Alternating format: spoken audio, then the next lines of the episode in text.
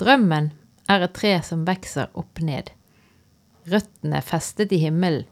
Fine rothår suger sær grokraft fra moldmørket mellom stjernene, mens krona brer ut sine greiner til en hvileplass for fuglene i menneskehjertets uendelige rom. Det var Hans Børli. Ikke han er kjent for en som er skogens dikter? Jo, han var det. Han var jo skogsarbeider og hadde førstehånds kjennskap til øks og sag og sånt. Mm. Mye fint å skrive om skogen. Ja, det er en det- sånn fred. Som, Og jeg syns jo det er med Børli at han ofte klarer å ta de der store temaene ned til de små. Og så bodde han jo sånn at han hadde vel skogen helt tett innpå Han seg. hadde sikkert suset utenfor seg og fikk derav fred i sjelen. Men det er litt noe skummelt med skog òg, da. Man kan gå seg vill. Mm. Sånn som Dante gjorde i begynnelsen av den guddommelige komedien. Så og forbinder jeg også Astrid Lindgren mye med skog. Ja. ja, Ronja Røverdatter og Brødrene Løvehjerte, eksempel. Ja, som rider gjennom på de fine hvite hestene sine. Og i dag er det faktisk det det skal handle om. Trær. Og så, Grete, så kan vi jo minne folk på at hvis de syns vi ikke har fått med et dikt eller en novelle eller en roman som de mener hadde passet veldig godt i den episoden, så er det jo bare å gi oss beskjed. Ja, hvis akkurat ditt yndlingsdikt mangler, så tar vi imot. Vi tar imot både ris og ros. På Facebook og på Instagram. Bjørkeris, fastelavnsris osv. Du hører på den litterære podkasten Det store i det små. Og vi er Kjersti Sandvik, journalist og forfatter. Og Grete Fatima Sayed, litteraturviter, forfatter og oversetter. Vi har fått støtte fra Litteraturhuset i Bergen, Bergen kommune. Kulturrådet og Fritt Ord. Du lurer på en ting. Hjemme hos deg har du masse planter og trær? Ikke trær, da. Nei. Jeg har jo ikke hage. Men jeg har en del eh, planter. Jeg har begynt å like det nå de siste årene. Blant annet så har jeg en sånn monstera, og det er nesten litt pinlig, for det er jo liksom kongen av Instagram-planter. Hvorfor Men, er den eh, blitt det, da? Nei, den er jo veldig tøff med de flikete bladene. De- Du får sånne store blader. Jeg leste at det var en- noe sånn sjeldent hvis du hadde en som var hvit eller rød eller noe sånt. Å ja. Jeg har sett sånn spettete hvit og grønn. Ja, de er verdifulle. Det må du bare snappe i butikken hvis du ser det. Nei, nei, nei, men jeg, har, jeg skal bare ha en grønn. Dessuten vet du, du skal jo stjele avleggere. Det er det jeg gjør, som regel. Mine blir litt sånn gullige, de, men det er feil farge, har jeg skjønt. Så du må bare På monsteraen? Ja, på alle. Ja. ja, nei, jeg vet ikke, jeg. Eh, før så likte jeg ikke det, for det er jo noe litt unaturlig med å ta inn den svære klumpen med jord der det bor faktisk både larver og Ja, sånne skolopendere og tusenbein. Og Nei, men det er så ekkelt, det er de der små fluene. Ja, ja, ja. Uff. Men ellers så renser jo plantene luften, så det er jo bare fint. Mm. Men jeg husker når vi var i India, da var det snakk om et sånt tre. Det var et sånt gedigent tre. Og så sa de at eh, det var et sånt tre som kunne stjele sjelen din. Hvis du, gikk og la, hvis du la deg og sov under det treet, så kunne du dø. Og det er jo faktisk riktig, for om natten så tar jo de oksygentrærne, sant. Ja, men da, ja, da skal det være ganske mye trær, da. Ja, men det var et stort tre. Ja. Men snakker du, hvis du hadde snakket med det treet, så kanskje ikke det hadde gjort det likevel. kanskje. For det, apropos det, så har jeg jo denne her eh, boken til, som var en bestselger, boken til Peter Wolleben. Wolleben, tysk. Håper jeg sa det riktig. 'Trærnes hemmelige liv'.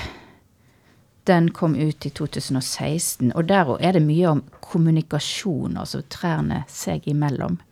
Ja, det er den der at rødt rotsystem, rotsystemene liksom vikler seg inn i hverandre, og så Ja, altså De kan i hvert fall sende signaler hvis det f.eks. er en farlig sopp på gang. Ja. Så kan de sende signaler til andre trær som, og advare de, og så kan de da skille ut et stoff som gjør at denne soppen dreper. Og det er jo, hvis du tenker på planter og bestøving og sånn, så er det jo det plantene gjør, de, eller blomstene. Sant? Altså de lokker til seg insektene med, med med farger og, lukt. Og lukt. så får de, lurer de de til å bestøve seg. Så, så sånn med en gang liksom når jeg så denne boken Her, hemmelige liv, og nei, nå må de gi seg her. Men, eh, men det er jo han her som skrev, skriver den boken, da, han er like gammel som meg. Bare det er jo noe. Og så har han da studert skogbruk og jobber som sånn skogforvalter i mange år. Så sant, og sånn. Det er jo litt kjekt å lese folk som har greie på det de skriver om. det. Ja, og så var det vel ganske banebrytende, for har vi ikke liksom Vi er jo vant til å se på oss sjøl som noe litt i særklasse annerledes enn alle de andre artene, sant?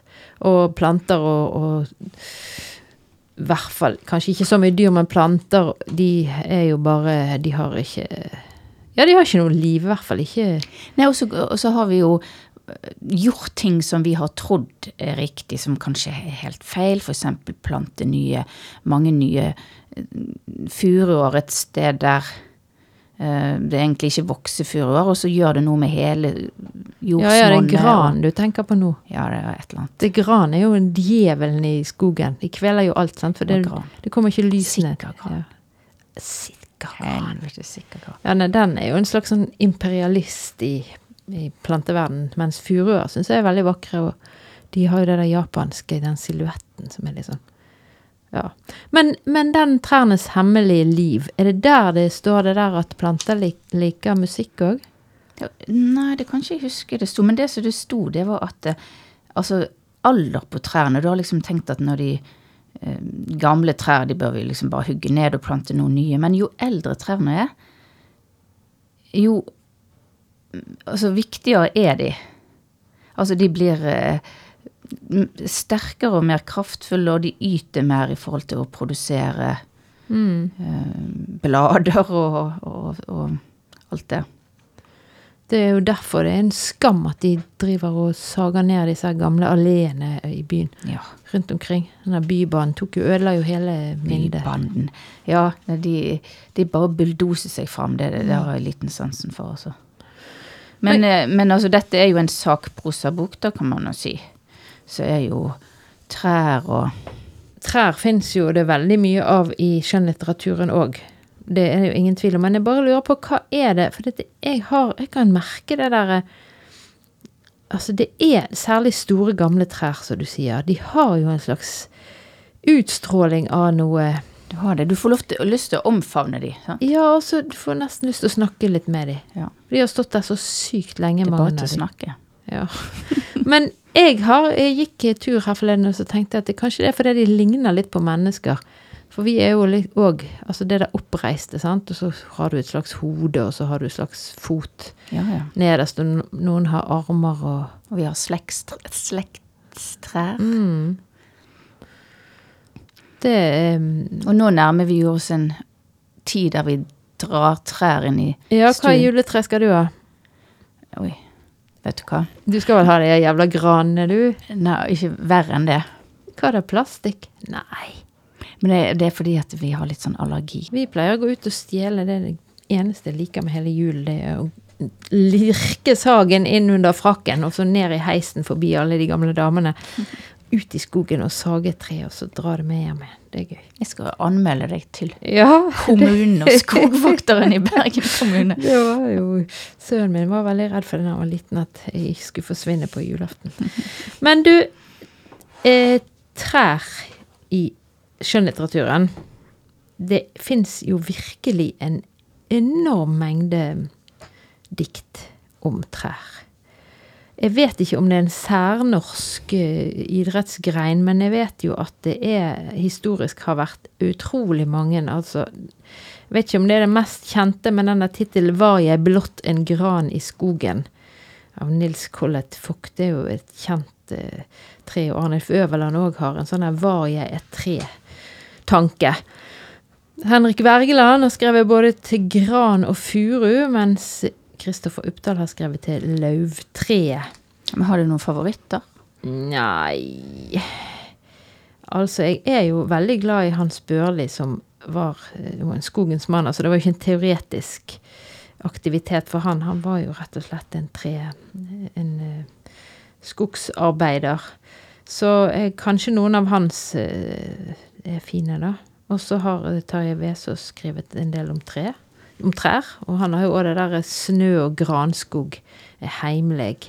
Men er det litt sånn eh, vinteraktig over det, eller er det bare fordi vi sitter her vi sitter nå på denne årstiden vi tenker det? Altså Jo. er det noen, altså gran det er litt mer et vintertre enn selvfølgelig de løvtrærne da, som jo Ja, ja, siden de er grønne hele året rundt.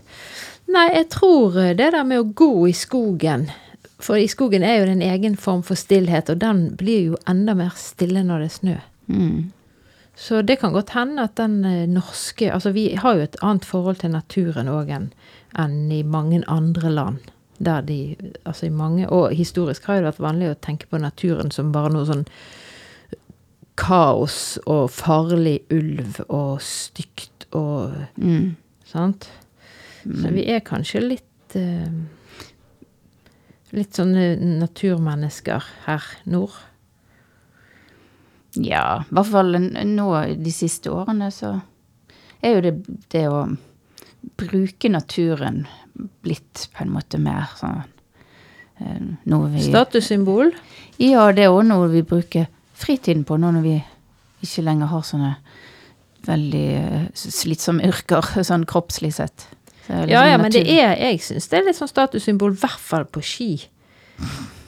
Ja, du ler, du, men jeg er litt sånn komplekser, sosiale komplekser for det, fordi at eh, da må man vite Ja, det er liksom kjekk og grei, og hva type Telemarksvinging og, og- ja, og mm. sånne bindinger og ja, ut og kart og Turski kompass. og løypeski og Før var det ett par ski. ja, ja. Nå er det liksom skøyteski Ja, det, du har rett i det. Jeg henger heller ikke med. Og så det der norske, og jeg blir litt sånn sliten av. Men, ehm, men jeg må bare ikke slippe det der med tre ehm, som et sånt menneske, nærmest. For det er ett eh, Livets tre. Eller var det livets vann? Jo, jo, livets tre òg, og Ja. det med den forbudte frukten og kunnskapens tre. Kunnskapens Og der, der åpner jo du en dør inn i mange Hvis du vil gå den veien ned i historien, sånn så eh, Korset og galgen er jo på en måte et slags tre, og Odin hengte seg jo i et tre. Gjorde han? Ja, ja, han ikke. Jo, jo, for han ofret øyet sitt for å få innsikt og kunnskap. Så det det Og så har du i norrøn mytologi så har du epletreet til Idun, og de eplene som du ble Ja. evige unger. Mm. Men jeg vil litt nyere tid. Haldis Moren Vesaas. Hun har et, et tre som heter dikt, jeg holdt jeg på å si. Hun har et dikt som heter Treet. Uh, og det er litt sånn veldig individ. Altså det treet er liksom et Ja, vi må jo nesten kunne si at det er et menneske. Det begynner med sjå treet. Ensomt står det nakent i kaldt, gullbleikt marsgry med skarp kant av skaresnø kring foten. De andre tre her på sletta står samansigne i stivt bar og søv trygt i sin vinter. Men dette er annerledes enn dei, for dette aleine er nakent og venter løv. Og så videre. Så det er liksom Det er veldig, veldig menneskeliggjøring. Mm. Alt fra foten og det sover, de sover og sånn og sånn. Og, og um, dette treet, da, som da er annerledes fordi det venter løv, det er jo har vært lest både som en sånn ungdom Altså det å føle seg annerledes kan jo være en Eller det kan være en erfaring som vi ofte har når vi er ung, og vi skal til å Blomstre. Ja, ja Mm. skyte knopper og Hvis Visst gjør det vondt når knopper brester. Visst gjør det vondt når knopper brester. Men jeg tenker òg at dette treet er, til Haldis Moren Vesaas er jo òg et slags sånn gravide tre, da, fordi at det her sovende livet, det, det vokser på en måte usynlig, hemmelig inni, inni treet. Eh, Det sovende liv, står det her. Og venter på, på fullbyrdingen. Så det er jo en litt sånn feminin eh, tre-tilnærming. Ellers de, For de jeg nevnte i sted, jo, var jo menn, tror jeg, alle sammen. Og de er jo selvfølgelig de fleste diktere som vi kjenner til som har overlevd historien, de er jo det. Ja, og en annen som vi òg må nevne når vi snakker om Ja, ikke bare Da er vi kanskje mer over på planter, da. Det er den godeste Carl von Linné. Ja. Og da har jeg en, en fin liten bok her, prosabok, holdt jeg på å si, av um, Inghild Johansen. Den heter 'Forsvinne'. Og der er det en Den er delt i ulike kategorier, da. Så det er en som heter herbarium. Og da begynner hun med å skrive om at hun skulle skrive en bok om Carl von Linné i forbindelse med at det var 100 år siden han var født. Um, og da har hun en veldig sånn fin innledning til uh, Du har sitert altså Carl von Linné skrev sin Philosophica Botanica i 1751. Og så har hun sitert noe fra han, da. Og det syns jeg er litt sånn Hva skrev og tenkte folk på den tiden? Og det skal bare uh, lese en, en, setning her, to par setninger. Sannheten skal en nærme seg forsiktig, for den er utstyrt med en hinne. Den er utstyrt med en glatt overflate som gjør at den hele tiden slipper unna. Sannsynligvis er det bare meningen at vi skal stryke den som om den var et dyr, noe som egentlig ikke trenger oss. Det har, skrev jo han der Carl von Linné, og det Det var ikke det jeg hadde ventet å høre fra Nei. hans kant. For Nei. han eh, Altså, du forbinder jo han med dette her litt strenge, systematiske, sant? Ja, at han bygger opp vitenskapen mm. og liksom klassifiserer. Ja, kategorisere, ja. og ikke noe utenomsnakk. Nei, hun har flere fine sitater av han uh, her også, som skriver til konen sin, og så Ja. Eh, men denne, denne, lille teksten hennes da, det handler egentlig om at hun dro ned til Sverige da, og gikk i der han bodde, og tok kontakt med Linné-selskap og fikk eh, bøker tilsendt som skulle lese og sånn, da, men hun leste ikke de bøkene. Men hun nevnte de likevel. Så det er liksom sånn litt å snakke ned seg sjøl. Og så skriver hun liksom at ja, den boken jeg har skrevet om han, Ingen kom til å lese den, den kom bare til å forsvinne. Men jeg måtte gjøre det likevel. Men skulle hun skrive en biografi hun om Linné? Hun ja. gjorde det, men hun ga den ikke ut? Jo. Hun har gitt ut en biografi om Linné? Ja, hvis det er hun skriver om seg sjøl her, da. Det vet man jo ikke. For dette er, ikke, det er jo ikke sakprosa. Det er prosa. Men Så. har du hørt om Google? Ja, Hakaten, altså. Det tror jeg vi må stoppe her, og så må jeg vi google må det.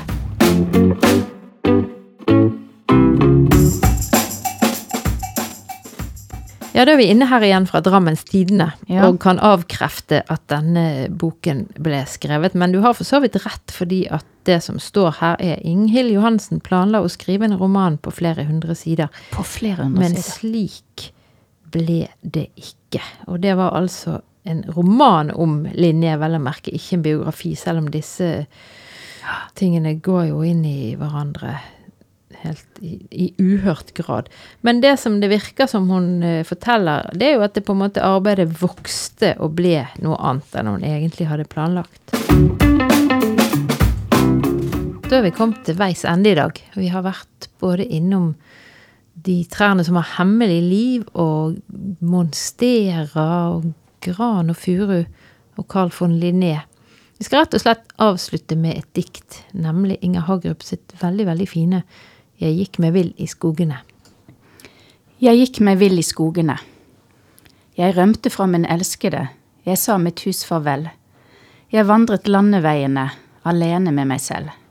Jeg gikk meg vill i skogene, og nå er det blitt kveld. Og langs de bleke stiene er mange bål brent ned. Her hastet andre videre, her hastet de av sted. Mot fjellene, mot stjernene, mot glemsel og mot fred. Jeg gikk meg vill i skogene, og natten stunder til. Nå vil jeg tenne opp igjen en annens gamle ild, og siden følge sporene hvor også han får vill. Du har nå hørt en episode av den litterære podkasten Det store i det små. Og hvis du likte det du hørte, så følg oss gjerne på Facebook og Instagram.